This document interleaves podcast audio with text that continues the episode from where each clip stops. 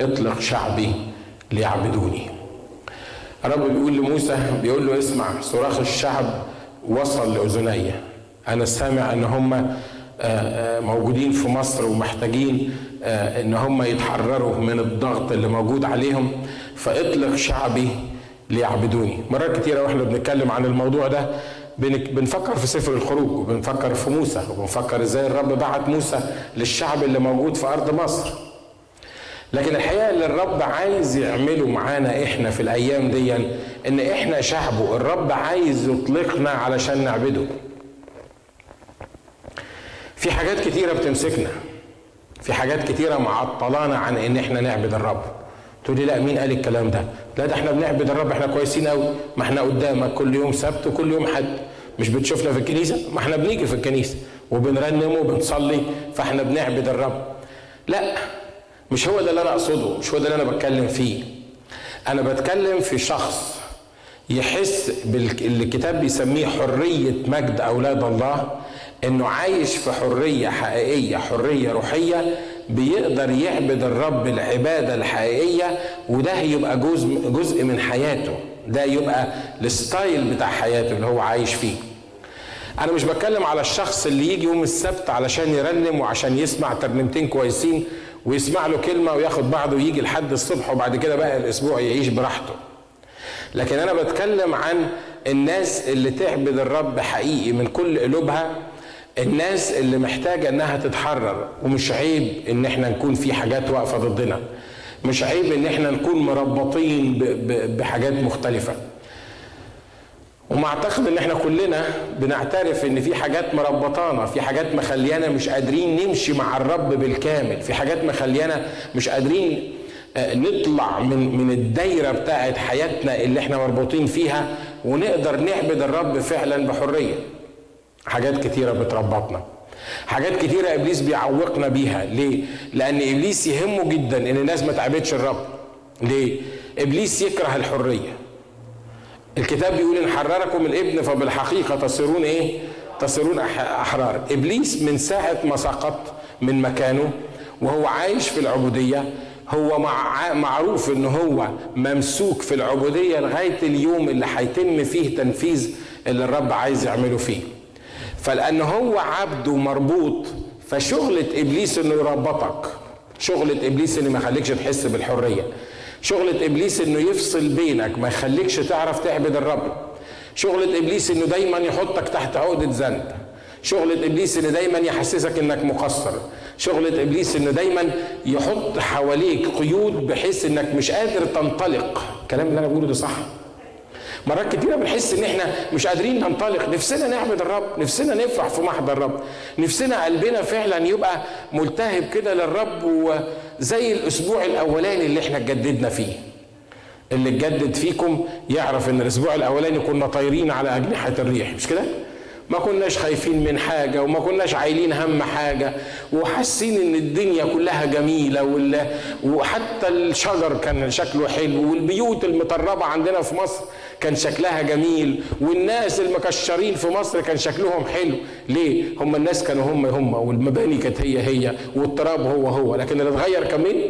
اللي اتغير أنا. لأن لما سكن الروح القدس فيا لما الرب عرفني عرفني وخلاني خليقة جديدة أنا بقيت ببص لكل حاجة وأنا حاسس إن كل حاجة جديدة.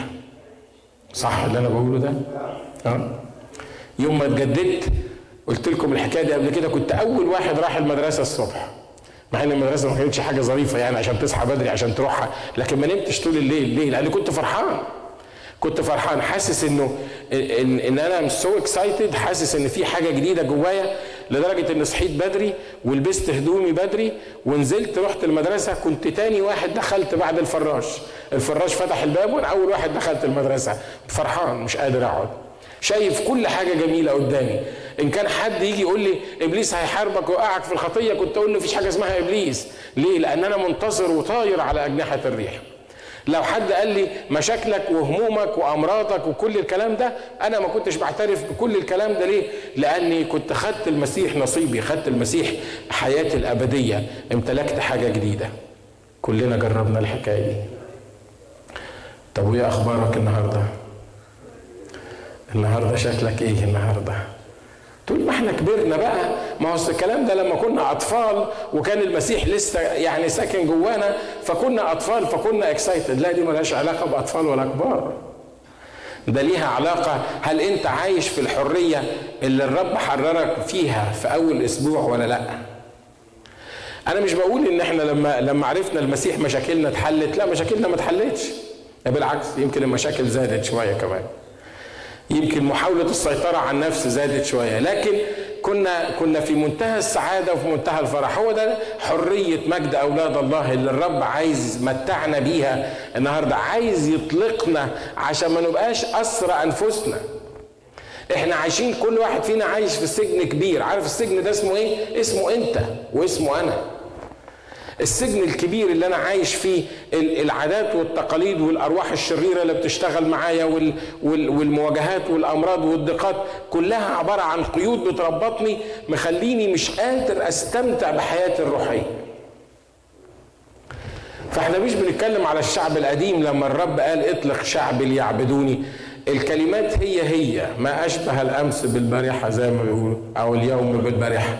انه النهارده الرب عايز يطلقنا من ال من ال من ال من السجن اللي إحنا موجودين فيه من سجن انفسنا من سجن مشاكلنا من سجن علاقاتنا من اي حاجة إبليس مربطنا بيها الرب عايز يطلقنا لأن الصرخة بتاعت اطلق شعبي ليعبدوني لسه الرب بيقولها لإبليس النهارده إنك عايزك تطلق شعبك عشان شعبي عشان إيه؟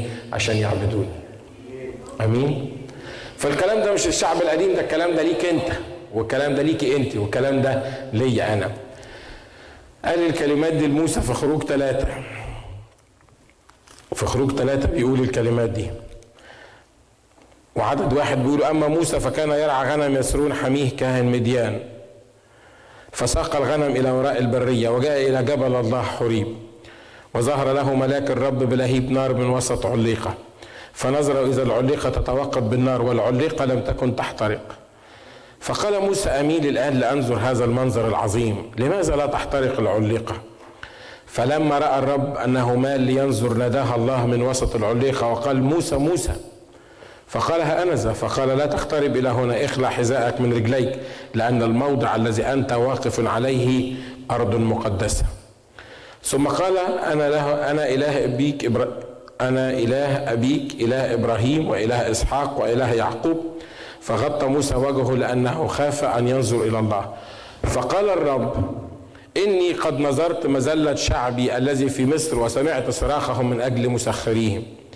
إني علمت أوجاعهم فنزلت لأنقذهم من أيدي المصريين وأصعدهم من تلك الأرض إلى أرض جيدة وواسعة إلى أرض تفيض لبنا وعسلا إلى مكان الكنعانيين والحسيين والأموريين والفرزيين والحويين واليبوسيين والآن هو ذا صراخ بني إسرائيل قد أتى إلي ورأيت أيضا الضيقة التي يضايقهم بها المصريون. فالآن هلم فأرسلك إلى فرعون وتخرج شعبي بني إسرائيل من مصر.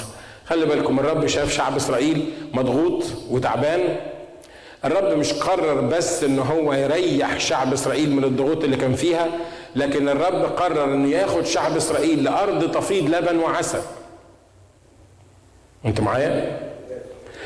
لما الرب بيشوفنا مقيدين لما الرب بيشوف الأسوار اللي حوالينا لما الرب بيشوف إن إحنا مش قادرين ننطلق خلي بالك عند الله خطة ليك عند الله حاجة عايز يعملها معاك وإن هو ما يحبش يشوف ابنه أو بنته مضغوطة في العالم أو عايش في مشكلة مستمرة في العالم أو مربوط بأساليب مختلفة الرب عنده خطة في ذهنه إنه يشيلك من الوضع اللي أنت موجود فيه إلى أرض تفيض لبن وعسل. خلي بالك إن هو مش بس هيحررك من المصريين مش هيحررك من أعدائك. لو كان عمل كده كان يبقى كتر خيره. حررنا من المصريين. لكن هو مش بس كده ده هو عايز ينقلك من الحالة اللي أنت موجود فيها إلى أرض تفيض لبن وعسل إلى أرض أنت ما تتعبش فيها عشان تعيش فيها إلى أرض بيقول لك إن الرب إلهك هو اللي بيعتني بيها بيرسل لها المطر. أرض حرية حقيقية أرض تمتلكها بدل ما أنت مذل وعايش في أرض مش بتاعتك. وما أكثر المؤمنين اللي عايشين مذلولين. أقول تاني الكلام ده؟ ها؟ ما أكثر المؤمنين اللي عايشين مذلولين. تقول لي مؤمنين إزاي ومذلولين ويل بص في عبك وأنت تعرف. وبص يعني خلينا نبص لكل واحد لأنفسنا. إحنا في فرق بين إنك أنت تعمل جدع قدام الإخوة ويكلموك تقول نشكر الرب نشكر الرب ده الرب عظيم يا أخونا والرب صالح. وإلى الأبد رحمته. سيبك من الكلام اللي أنت بتقوله ده. هل أنت عايش فعلا في, في إحساس إن الرب عظيم؟ هل أنت فعلا منتصر؟ هل انت شخص فعلا عايش في الحرية اللي الرب عايزك تعيش فيها؟ ولا إحنا بس اتعلمنا شوية ألفاظ روحية بنقولها في الكنيسة وإحنا موجودين عشان أفهمك إن أنا أموري كلها عال العال والموضوعات ماشية مية مية وإحنا نشكر الله تحت الحماية الإلهية وما عندناش مشاكل من كل ناحية. الرب عايز يطلعك من اللي انت فيه. الرب عايز يطلعك من اللي انت فيه. الرب عايز يطلعك من اللي انت فيه. انت سامعني ها؟ ها؟ حتى لو ما كانش عندك مشاكل مش لازم يكون عندك مشاكل يعني ممكن واحد زي يقول لك ما عنديش مشاكل أشكر الله. أنت عايز تعمل لي مشاكل بالعافية؟ لا لا مش عايز أعمل لك مشاكل بالعافية. لكن أنا عايز أفهمك إن في أرض تفيض لبن وعسل. يا ترى أنت في الأرض اللي بتفيض لبن وعسل؟ ولا في الأرض اللي عمال تزرع فيها وتزرع فيها وتزرع فيها وبتطلع لك شوكا وحسكا تنبت لك زي ما قال الكتاب. يا ترى أنت فعلا حاسس بحرية حرية اللي الرب عايز يديها لنا وأنت بتتحرك وبتتكلم وبتتناقش وبتروح وبترجع؟ حاسس إنك حر من جواك ولا حاسس إن في حاجة مقيدات مخلياك مش قادر تتحرك؟ مرات أقول لأماني أقول لها مش عارف ليه حاسس النهارده إن أنا إن في حاجة حواليا كده مربطاني مش عارف ليه النهارده مش مبسوط. مش مش سعيد مش حاسس إن أنا هابي. ويمكن ما بعرفش ليه. مرات تقول لي ليه؟ قول لي أقول صدقيني ما عارف. تقول لي يعني في واحد متربط مش عارف متربط بإيه. في واحد متضايق مش عارف. أقول صدقيني بيحصل. مرات كتيرة بيحصل إن إحنا نبقى متربطين كده وإحنا مش عارفين. النهارده الرب الرسالة البسيطة السهلة إن الرب عايز يطلق شعبه اللي موجودين في أرض مصر وأرض مصر بتشير للعبودية أرض مصر بتشير للعالم أرض مصر بتشير للذل أرض مصر بتشير لكل ما هو ضد للرب. فالرب عايز يطلقنا من أرض مصر دي لأرض تفيض لبن وإيه؟ تفيض لبن وعسل. إيه اللي بيعمل فينا اللي بيربطنا؟ الكتاب بيقول محارباتنا ليست مع لحم ودم مع رؤساء ومع سلاطين ومع قوات شر روحية. وفي حاجة اسمها الأرواح المضادة لعمل الله في حياتك. هي اللي بتحاول تسيطر عليك علشان ما تخليكش تحس بالحرية دي. وإحنا اتكلمنا قبل كده عن الأرواح. في ناس لما بنتكلم عن الأرواح يقول لك أنت كل حاجة تعملها لنا أرواح. إحنا ناقصين عفرطة. كل حاجة أرواح أرواح. زي أندي كده لما أقول له أندي ده spirit of مش عارف مين يقول لي كل حاجة عندك أرواح. أنت كل حاجة عندك أرواح. well اللي أنا أفهمه إن إحنا عايشين في عالم روحي. صح؟ كل اللي بيحصل معانا ليه تأثير روحي. كل اللي بيحصل في حياتي وحياتك حتى من الحاجات المادية اللي انت مش متخيل ان فيها عمل روحي أو ليها علاقة بالأرواح كلها متصلة بالأرواح اللي إحنا بنعيش فيها. صدقت الحقيقة دي وفهمتها تعرف تحارب وتعرف تتحرر. قلت لا الجماعة دول متروحانين وكل حاجة بيعملوها روحيات هتعيش تعبان وانت مش فاهم انت تعبان ليه. الأرواح الشريرة موجودة حوالينا. إحنا كمؤمنين مش متروكين لعمل الأرواح الشريرة. الأرواح الشريرة المفروض ملهاش سيطرة علينا لأن الكتاب بيقول إنه أشهرهم جهارا. الأرواح الشريرة دي الرب ظفر بهم في إيه؟ في الصليب. بس في فرق بين الرب ظفر بهم في الصليب وانت بتتعامل معاهم إزاي؟ هدي لك بسرعة لأن درسنا الحاجات دي قبل كده. بعض الأرواح اللي بتحاول بتحاول إنها تربطنا وتحبسنا في مكان معين مش قادرين نطلع منه. أول روح اسمه روح الفشل. روح إيه؟ الحمد لله أنا مش فشلان. أنا عندي ثلاثة دكتوراه وخمسة مش عارف بيزنس وستة يعني أنا أشكر الله أنا مش فشلان. لا لا بالدكتوراهات ولا بالبزنهات ولا وات الحاجة اللي موجودة عندك لكن روح الفشل ده بيجي لأي واحد فينا يحاول يفشله من حياته حتى الناس اللي ناجحين في حياتهم حتى الناس اللي أنجزوا حاجات كتيرة في حياتهم روح الفشل بيجي في ودني ودنك يقول لك يعني أنت عملت إيه؟ إيه الاختراع اللي أنت عملته؟ تفضل لك بتاع 10 سنين وتموت ويعني انت يعني غيرت التاريخ يا خي. اديك واقف عمال تقول نغير مصر ونعمل في الشرق الأوسط ومش عارف مين. عملت إيه انت في دنيتك وفي حياتك؟ بيحصل؟ يجي يقول لك عملت إيه في بيتكم؟ اهو بيتكم كله مشاكل وكله انقسامات وكل ما تشيل رجل من هنا يروح حطك في الرجل التانية عملت إيه في ال business بتاعك؟ كل ما تفتح business يتقفل. كل ما تفتح business يبوظ. عملت إيه في الجوازة بتاعتك؟ من ساعة ما اتجوزت وانت حالتك زي الطين. بيحصل ولا ما بيحصلش؟ ها؟ شغال شغال. روح الفشل شغال روح الفشل شغال. ويحاول يقنعني بالكلام ده بحيث إن أنا أوصل لمرحلة أقول صحيح وأنا عملت إيه في حياتي. صحيح أنا ضيعت حياتي. صحيح أنا ماليش أي تأثير. صحيح بيتي كان المفروض يبقى أحسن من كده. صحيح البيزنس بتاعي كان المفروض ما خسرتوش وكان المفروض يكون أحسن من كده. وصحيح وصحيح وابتدي أتعامل مع روح الفشل. يبص ألاقي روح الفشل ده ربطني وخلاني خايف أعمل حاجة. ليه؟ لأن كل ما أجي أعمل حاجة قدام يجي يروح مذكرني بالفشل اللي حصل في حياتي قبل كده فيربطني يخليني ما أقدرش أتحرك. مرات لما حد بيجي يقول لك صلي لي عشان يشفى. قبل ما تيجي تصلي يجي روح الفشل في ودنك يقول لك إيه؟ خلي بالك. أنت فاكر آخر واحد صليت له مات؟ سيب الراجل لأولاده. حرام عليك. ما فيش داعي إنك أنت تصلي له. تاني هتصلي بيحصل. مرات مرات حتى في موضوعاتنا العادية. لما تيجي تصلي عشان حاجة معينة يجي العادي يقول لك إيه؟ هتصلي تاني. ما انت صليت الموضوع ده السنة اللي فاتت وصليت له السنة اللي قبلها وصليت له انت بقالك ثلاث سنين بتصلي هتصلي تاني للموضوع ده؟ ده اسمه روح إيه؟ روح الفشل. وفي ناس شغالة مع روح الفشل ماشية بروح الفشل متربطة بروح الفشل مش قادرة تتحرك ولا خطوة. ليه؟ لأن كل اللي بيترمي في أذهانها من الروح الشرير من الأعداء اللي حواليه كلها عبارة عن فشل وفشل وفشل وفشل فبتيجي في الأخير بتحكم على نفسك إنك شخص فاشل وإنك أي حاجة هتعملها. مقالها برضو للفشل تلاقي نفسك بلطت في الخط. I rebuke it in the name of Jesus. إحنا بننتهر روح الفشل لأن الكتاب بيقول إن الله لم يعطينا روح الإيه؟ روح الفشل. روح الفشل ده مش من الرب. الله أعطانا روح القوة والمحبة والعقل السليم ال sound mind اللي هو النصح بالعربي. الله أعطانا العقل السليم اللي نقدر نعيش بيه بطريقة روحية مظبوطة. فواحد من ضمن التربيطات والقيود اللي بتتحط حوالينا هو من روح الفشل. روح الفشل يخليك تركز على المنظور اللي انت شايفه. لما تيجي تكلم واحد وتحاول تشجعه في الموضوع يقول لك أخ ناجي بلاش كلام بس اللي أنتوا بتقولوه ده وعظ. اللي أنتوا بتقولوه ده وعظ. انت مش شايف الحالة اللي أنا موجود فيها؟ انت مش شايف الظروف اللي أنا عايش فيها؟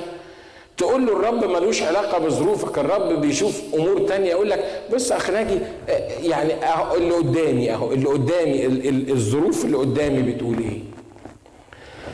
صمويل راح مسح شاول مسحه بدهن المسحة وقال له الرب بعتني عشان أنت الملك بتاع المستقبل.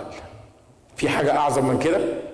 تخيلوا معايا واحد 17 سنة قاعد في أمان الله في في الصحراء بيرعى شوية غنم.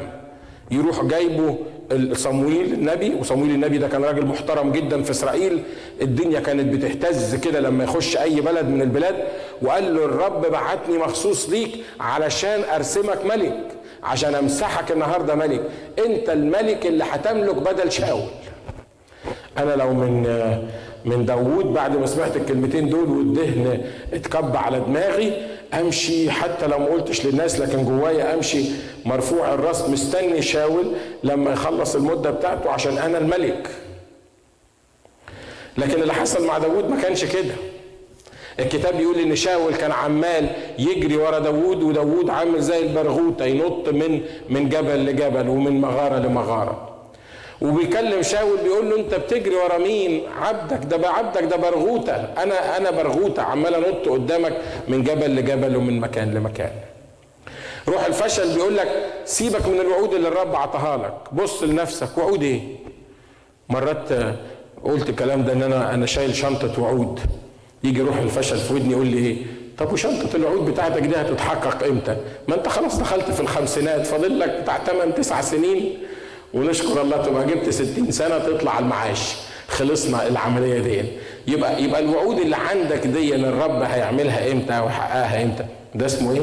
ده اسمه روح الفشل، روح الفشل يخليك تبص للمنظور تبص للإمكانيات بتاعتك تبص للمركب اللي هتغرق وروح الفشل لما كانوا التلاميذ موجودين في المركب والأمواج عمالة تخبط فيها قال لهم إيه؟ قال لهم هتغرقوا هتغرقوا يعني هتغرقوا عشان كده راحوا يصحوا الرب يسوع وهو نايم تحت يقولوا له أما يهمك أننا نهلك؟ إحنا هنهلك هنضيع جبتوا منين إنتوا الكلام إن إنتوا هتهلكوا وهتضيعوا؟ ما أنت شوف أهو المركب عمالة تخبط من يمين وشمال إحنا هنغرق. روح الفشل يخليك تبص لإيه؟ للمنظور للحاجة اللي انت شايفها.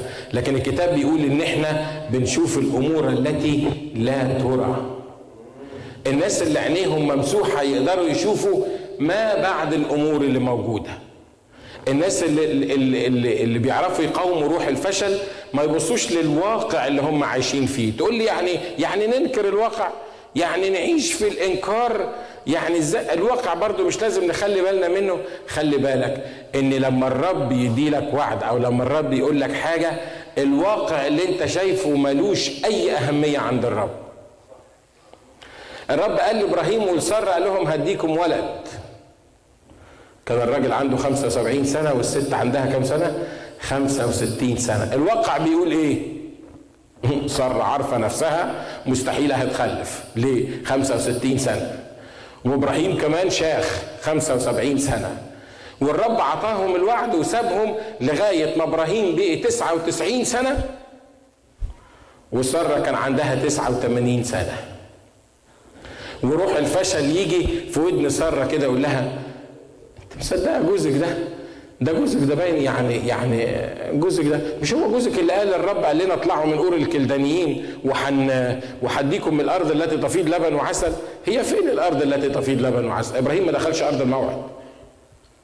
إبراهيم الكتاب بيقول من بعيد نظروها وحيوها وأقروا إن هم غرباء يعني شافوها بس من بعيد. لكن ما فيجي روح الفشل يقول يقول لسارة يقول لها مش إبراهيم ده اللي خدك كنت قاعدة مع أبوكي وأمك والناس اللي حواليكي وطلعك من أور الكلدانيين وقال لك الرب هيدخلنا لأرض تفيض لبن وعسل وهيجعل نسلك كنجوم السماء ورمل البحر. أنت عندك 89 سنة هتخلف يا سارة؟ المنظور عشان كده لما الرب قال هاجي زي السنة دي يكون لسارة ولد الكتاب يقول إيه؟ ضحكت سارة. وقالت أبعد فنائي يكون لي تنعم وسيدي قد شاخ. مش معقول الكلام ده يحصل. ليه؟ لأن روح الفشل مخليها بص على إيه؟ على المنظور. لكن روح القوة والمحبة والنصح اللي ضد روح الفشل يخليك تبص على الوعد بتاع الرب. وفي فرق كبير كبير كبير كبير بين الناس اللي بيبصوا للمنظور والناس اللي بيبصوا لوعود الرب. آمين؟ والنهاردة أنت اللي بتحدد بتبص على إيه بالظبط؟ الدكاترة قالوا خلاص ده فاضل له ست شهور ويموت. هم الدكاترة قالوا كده وأنت عارف إن الطب اتقدم الأيام دي ويعني الدكاترة إلى حد ما اللي بيقولوه بيحصل. يقول لك بس يعيش ست شهور. لكن لو الرب قال هتحيا يبقى هتحيا. حتى لما الدكاترة كلهم يقولوا عكس كده. لأن الرب ما بيؤمنش كتير بتقارير الأطباء. هو بيستخدمهم مرات برضه بيخلعوا اسنانه وبيعملوا أي حاجة. لكن خلي بالك ان الرب مش خاضع لتقارير الأطباء لكن الأطباء هم اللي خاضعين لتقارير إيه؟ لتقارير الرب. روح الفشل يقول لك أهو ده عنده فشل كبدي. ده باظ خلاص الكبد بتاعه مش موجود مش شغال. إحنا حاطينه على الماشين عشان يقدر يمشي. لكن أنا أعرف إن في واحد كان بقاله في القبر أربع أيام وقد أنتن. المنظور وروح الفشل بيقول إيه؟ بيقول له اسمع خلي بالك بقاله أربع أيام في القبر قد أنتن. اوعى تروح جنب القبر وتتكلم. ليه؟ أصل ده مش ميت. ده زي ما بنقول بالمصري ده مات وشبع موت اتحلل خلاص. والرب يقول لمرسى ومريم يقول إيه؟ إن امنتي ترينا مجد إيه؟ مجد الله. أنت شايفة واحد محطوط في القبر وتحلل لكن أنا شايف واحد مربوط طالع من القبر. أنت واخد بالك من الفرق بين الاثنين في ناس بتشوف اللي مربوط في القبر بتشوف الموت بتشوف الموت بتشوف اللي في القبر ده اللي مات خلاص. وهم مش غلطانين لأن الواقع بيقول كده. الواقع بيقول إن العازر بقاله أربع أيام في القبر. لكن الرب ما بيشوفش الموت لأن الرب ما ينفعش يشوف الموت. لأن الموت في محضر الرب يهرب الرب بيشوف إيه؟ بيشوف لعازر وهو طالع. الناس موجودة حوالين البنت الصغيرة المزمرين بيضجوا وبيعددوا والندبات عمالة تندب. ليه؟ لأن البنت ماتت. والرب واحد بيقول له داخل بيقول لهم أنتوا بتبكوا ليه؟ لم تمت الصبية لكنها إيه؟ لكنها نائمة. عارف الكتاب بيقول إيه؟ فضحكوا عليه، ليه؟ لأن هو البت ماتت وشبعت موت وهم اللي حاطين البت في السرير وهم اللي عارفين إن البت ماتت وده واحد جاي من بره ما دخلش الأوضة ما شافش البنت وهي نايمة ولا صاحية وبيقول البنت ما ماتتش يبقى جاب منين الكلام ده؟ آه أصل في فرق بين واحد بيشوف الموت وواحد بيشوف الإيه؟ الحياة. وفي فرق وأنت ماشي مع الرب. في فرق بين إنك شايف المشكلة بتاعتك وفي فرق بين إنك شايف الرب حلال المشاكل. في فرق بين إنك شايف المرض بتاعك وفي فرق بين إنك شايف الرب شاف الأمراض. في فرق بين إنك أنت شايف ظروفك اللي ملهاش حل وفي فرق بين إنك شايف الرب اللي يحيي الموتى ويدعو الأشياء غير الموجودة كأنها إيه؟ كأنها موجودة. يا ترى أنت شايف إيه النهارده؟ أنا مش بلومك يا جماعة أنا ما بلومش حد. ليه؟ لأنه لأن إحنا كلنا بشر وكلنا بنمر بالظروف دي. لكن النهارده عايز أشجعك إن الرب عايز يطلقك الرب عايزك تشوف أمور مختلفة. ما هو كل ما تصحى الصبح وتشوف نفس المشكلة بنفس الطريقة اللي ملهاش حل وتعيش فيها هتعيش في مشكلة. لكن لو صحيت الصبح شفت المشكلة صحيح لأنها موجودة ما تقدرش تنكرها لكن شفت الرب حلال المشاكل يبقى تعرف إن الأمور دي هتفرق هتختلف. تقول لي إزاي؟ ما فيهاش إزاي. أنا ما أعرفش إزاي. لكن اللي أعرفه إن ليا إله يحيي الموتى ويدعو الأشياء غير الموجودة كأنها إيه؟ كأنها موجودة. روح الفشل بيخليك تتشكك في كل الحلول. أما تقعد مع حد ي... ي... كل حل يقوله لك تلاقي نفسك يعني مش مقتنع بالحل ده. الحل ده أسوأ من الحل اللي التاني. والطريقة اللي أنت بتقولها دي جربناها زمان. والموضوع ده ما نفعش. والدواء ده خدناه خدنا منه لما قلنا بس. وكل حاجة أي حل بتسمعه بيشككك فيه. ليه؟ لأن مش عايز يبقى عندك أمل. روح الفشل مش عايز يديلك أمل مش عايز يفهمك إن الأمور ممكن تتغير مش عايز يفهمك إن الأمور ممكن تتحل. يا جماعة أنا ما بتكلمش عن مشاكل يومية عادية بسيطة أنا بتكلم عن مصايب موجودة في حياتنا مخليانا مش قادرين نعبد الرب. فيش الا واحد بس قال صح محدش قال أمين. أمين؟ تقول لي المجتمع اللي إحنا عايشين فيه والعيال وانت عارف العيال والمعاشرات الرديه والمصايب اللي بتحصل وأنا مش عارف أعمل إيه. الظروف اللي إحنا بنمر بيها المجتمع الأمريكاني اللي مخلينا متجننين مش عارفين لا نربي العيال ولا نشوف أنفسنا ولا نعمل إيه بالظبط. سيبك أنت إحنا مش من المجتمع الأمريكاني. الكتاب قال عننا إن إحنا في العالم لكن إحنا لسنا من العالم. ليه؟ لأن إحنا مختلفين. لأن الكتاب بيقول أقامنا معه وأجلسنا معه فين؟ إحنا في السماويات. وفي فرق بين إنك أنت تشوف من السماويات وفي فرق إنك أنت فرق إنك تشوف اللي في الأرض الأمور اللي حاصلة في الأرض. واحد من ضمن الحاجات اللي مربطانا هو روح الفشل. موسى هنا لما الرب كلمه قال له روح قول لشعبي اطلق شعبي. موسى قال له إيه؟ قال له أنا لا بعرف أتكلم. ولساني معوج. وانت عارف ان أنا يعني لست بصاحب كلام يعني ما, ما, ما يعني قال له من صنع للإنسان فما مين اللي عطى للانسان لسان؟ أنا هكون موجود معاك. قال له اسمع في الآخر خالص قال له أنا هقول لك إيه؟ ارسل بيدي من ترسل. خلي بالكم ده مين؟ ده موسى مش كده؟ وإن كان موسى قال كده متهيألي أنا وأنتم ممكن نعمل كده برضه. يعني سهل ارسل بيدي من ترسل.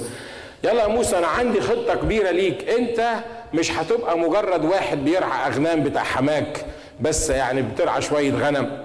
ده أنا من ساعة ما خليت أمك اتجوزت أبوك وجابوك أنت وأنت عارف إنك كان لازم تتقتل وبعدين أنقذتك بطريقة معجزية ورميتك في المية وبعدين طلعتك من المية. ده أنت ليك خطة كبيرة عندي. ده أنت ده أنت قائد. أنت ما ينفعش تقعد تعول في شوية غنم. لكن الأخ موسى بيقول لك إيه؟ قال له اسمع سيبك من الموضوع ده. متهيألي موسى بص لنفسه كده قال لك 80 سنة 80 سنة أنا دلوقتي سني 80 سنة هروح أعمل زعيم وأقول لهم طلعوا الشعب اللي موجود في مصر. وأنا ما بعرفش أتكلم لساني بيتلعثم كده وأنا بتكلم فمش مش عارف أتكلم. فاسمع رب أنت ارسل بيدي من ترسل. ده اسمه إيه ده؟ ده اسمه روح فشل. ليه؟ لأن أنا ما ينفعش. روح الفشل دايما يقول لك أنت ما تنفعش في حاجة. صح؟ ها؟ روح الفشل دايما يقول لك أنت أنت تعمل إيه؟ هتغير الكون يا أخي. أنت مش قادر تحل مشاكلك. أنت مش قادر تأكل نفسك. هتأكل غيرك. أنت مش قادر تعتني بنفسك. هتعتني بغيرك. أنت ما تنفعش في حاجة. يا ما شفت وخصوصا في الستات. يا ما شفت ستات حفظت إنها ما تنفعش في حاجة وإنها فاشلة وإنها ما تعرفش تعمل حاجة وخصوصا لما تكون متجوزة راجل مصري مفتري أو راجل عراقي مفتري مع احترامي للمصريين والعراقيين وغيرهم إحنا الشرق الأوسط علمنا ستاتنا إن إحنا اللي بنطلع وبنشتغل وبنجيب وهم يعني كتر خيرهم قاعدين في البيت يربوا العيال ويحموا فيهم ويودوهم المدرسة ده كل اللي يعرفوا يعملوه. انت ما تنفعيش تعملي حاجة. كل ما يتكلم معاها انت خايبة أصلك. انت ما ينفعيش تعملي حاجة. من ساعة ما طلعت أبوها كان بيقول لها ما تنفعيش تعملي حاجة وجه جوزها كمان كمل عليها لغاية ما كبرت وهي فاهمة إنها ما تنفعش تعمل حاجة. صح؟ بيحصل؟ بيحصل؟ وتبص تلاقي من كتر ما سمعت انت ما تنفعش تعمل حاجة وانت ما تنفعيش تعملي حاجة وانت ما فيش منك رجا وانت غبية وانت غبية وانت غبية وانت غبية تلاقيها استغبت. وبقي الغبية فعلا. وغبية إنها صدقته. غبية إنها قبلت روح الفشل ان يشتغل جواها وفي ناس حاكمين على نفسهم إن هم أغبياء وإن هم عندهم روح فشل وإن هم ما يقدروش يعملوا حاجة. وزي ما قلت خصوصا في الستات. هم متخيلين إن الرجالة يقدروا يعملوا حاجات كتيرة. صدقوني في حاجات تعرف تعملها الستات ولا أجدع شنب يعرف يعملها. صح يا رجالة؟ ها؟ بس إحنا رجاله من ال Middle East إحنا إحنا رجالة شرقيين كل ما أنا حطيت مراتي down كل ما حسستها إنها غبية ما تعرفش تعمل حاجة كل ما اعتمدت عليا كل ما أنا حسيت إن أنا أنا الراجل هي الغبية وأنا الراجل وكل ما حسستها إنها down أنا متخيل إن أنا أنا كبرت وبقيت فوق ومحدش عارف مين الغبي الحقيقة في الموقف اللي زي ده. مين هو الغبي ومين هو الفاشل. لأن مرات إحنا كرجالة بنحاول ننسى فشلنا ونخبي فشلنا في اتهام اللي قدامنا بأشياء كتيرة مش موجودة فيهم. حد زعلان مني؟ ها؟ عشان كده النهارده إحنا محتاجين الكتاب بيقول تغيروا عن شكلكم بتجديد إيه؟ بتجديد أذهانكم. أنتوا محتاجين تتغيروا. عشان تقدروا تطلعوا من اللي أنتوا موجودين فيه لازم تفهموا الأرواح اللي أنتوا بتقابلوها. روح الفشل دون بيركز لك على المنظور وبيشككك في كل الحلول وبيخليك تاخد قرارات وانت في حالة يأس. ما انت فشلان ودايما قراراتك. قرار واحد فشلان هيبقى شكله إيه؟ أنا هختم بالموضوع ده وبعدين نبقى نكمله في الأسابيع اللي جاية. قرار واحد فشلان تفتكره هيبقى قرار إيه؟ ما ترد عليا. قرار فاشل. مش كده؟ ها؟ واحد فشلان بياخد قرار يطلع منه قرار عدل ما يطلعش منه قرار عدل. والكلام اللي أنا بقوله ده الكتاب مدونه. كل كلمة قلتها الكتاب مدونها. زي ما قلت لكم داوود بدل ما يعيش في إنه ملك قال الكلمات دي. وخد قرار وهو في حالة الفشل في حالة البرغوتة اللي هو حط نفسه فيها. وقال إني سأهلك يوما بيد شاول. عشان كده ساب الشعب الله ونزل للفلسطينيين أعداء شعب الله. وابتدى يتعامل معاهم وفي يوم من الأيام كان هيحارب مع الفلسطينيين كان هيحارب شعب الرب اللي الرب مسحوا عليهم ملك. ليه؟ لأن روح الفشل قال له إيه؟ أنت هتقدر على شاول؟ طب ده شاول الملك. آه صحيح أنت آه، صمويل مسحك في يوم من الأيام. لكن كل اللي خدته من صمويل أنت شوية إيه؟ شوية دهن. الدهن ده هيعمل لك إيه؟ يعني واحد معاه دهن واحد معاه آه، آه، عساكر وأسلحة وسيوف ويعني يعني الدهن ده يغلب إزاي؟ إزاي؟ يعني أنت كل اللي عندك وعد كل اللي عندك شوية دهن اتكبوا عليك والنبي قال لك إن أنت الملك. لكن خلي بالك إن الملك الحقيقي هو مين؟ هو شاول. بعدين يبص في نفسه يقول لك ده حتى الدهن خلاص راح خد شاور وانتهى. ما بقاش فيه دهن دلوقتي. ده مجرد حادثة كانت موجودة. لكن مين اللي يغلب؟ صاحب المركبات والسيوف والقوات دي ولا دهن المسحه اللي الرب حطه على شخص معين؟ الدهن هو اللي يغلب مش الملك اللي معاه الأسلحة هو اللي يغلب. روح الفشل يخليك تاخد قرارات وانت فشلان. يصحيك الصبح يقول لك يومك أسود. انت عارف هو النهارده أسود شكله كده أسود. هتنزل هتلاقي مشكلة في الشغل ولا مشكلة في البيت وتبص تلاقي أول واحد يجي يسألك على حاجة قول له اعمل اللي انت عايزه. أنا عرفت يلا اعمل اللي انت عايزه. تاخد قرارات وانت يأسان تاخد قرارات وانت فشلان. عشان كده قرارك وانت فاشل وانت يأسان هيكون إيه؟ هيكون عبارة عن فشل وعبارة عن يأس. هو قال إني سأهلك يوما بيد شاول. قرر إن هو هيموت بيد شاول. طب إزاي؟ ده أنت الرب مسحك ملك. ده انت لازم تخلي بالك انك انت الملك اللي جاي. شاول مش هيقدر يقول لك يقول لك سيبني من الكلام ده. الكلام ده سمعناه كتير من على المنبر. سيبني من الكلام ده. ما الواقع اهو. أنا شاول عمال يجري ورايا ومعاه الوف عشان يموتني. وأنا هقدر على شاول؟ يقول لك واجتمع إليه كل رجل متضايق وكل من كان عليه دين وكل مر النفس. يعني حتى الجيش اللي كان مع داوود كان إيه؟ كانوا ناس قرفانين من عيشتهم وعليهم ديون وفاشلين زيه ويأسين زيه وهم دول الحربين من العدالة نزلوا عملوا إيه؟ عملوا الجيش بتاعه. جيش شاول المرتب المنظم الناس اللي يقدروا يحاربوا ولا جيش داوود العدد الصغير ده. عشان كده عايز أقول لك حاجة وهختم بالموضوع ده. إياك إنك تاخد قرار وإنت في حالة يأس أو حالة فشل. نقول تاني. لو ما عرفتش تاخد القرار ما تاخدوش دلوقتي. لما تحس إنك أنت في حالة فشل في حالة يأس أوعى تاخد قرار. صدقني أي قرار هتاخده هيوديك ورا الشمس. أي قرار هتاخده هينبع من قلب فشلان من واحد يائس فهتكون النتيجة إنك هتندم على هذا القرار. إمتى تاخد القرار؟ لما تعرف إن فرح الرب هو قوتنا وتلاقي نفسك انت نفس الشخص في نفس الظروف وانت فاشل ويأسان تقول آه يلا خليها تخرب خليها تحصل زي ما تحصل. لكن وانت مليان بفرح الرب تقول لا أنا هقف واتحدى الكل لأن فرح الرب هو قوتي ولأني أنا أؤمن بالرب يسوع المسيح فالأعمال التي أنا أعملها التي هو يعملها اعملها أنا أيضا وأعمل أعظم منها أنا مش هستسلم للفشل مش هستسلم لليأس مش هاخد قرار في الفشل ومش هاخد قرار في اليأس أنا هاخد قرار مبني على الإيمان بالرب يسوع المسيح وأحيي الموتى وأدعو الأشياء غير الموجوده كأنها موجودة. يا ترى مطلوب منك تاخد قرار؟ مطلوب منك تاخد قرار النهارده في حاجة معينة وانت فشلان ويأسان؟ ها؟ عايزك تحط الموضوع بين ايدين الرب قول يا رب أنا مش هاخد قرار في فشلي ولا قرار في يأسي.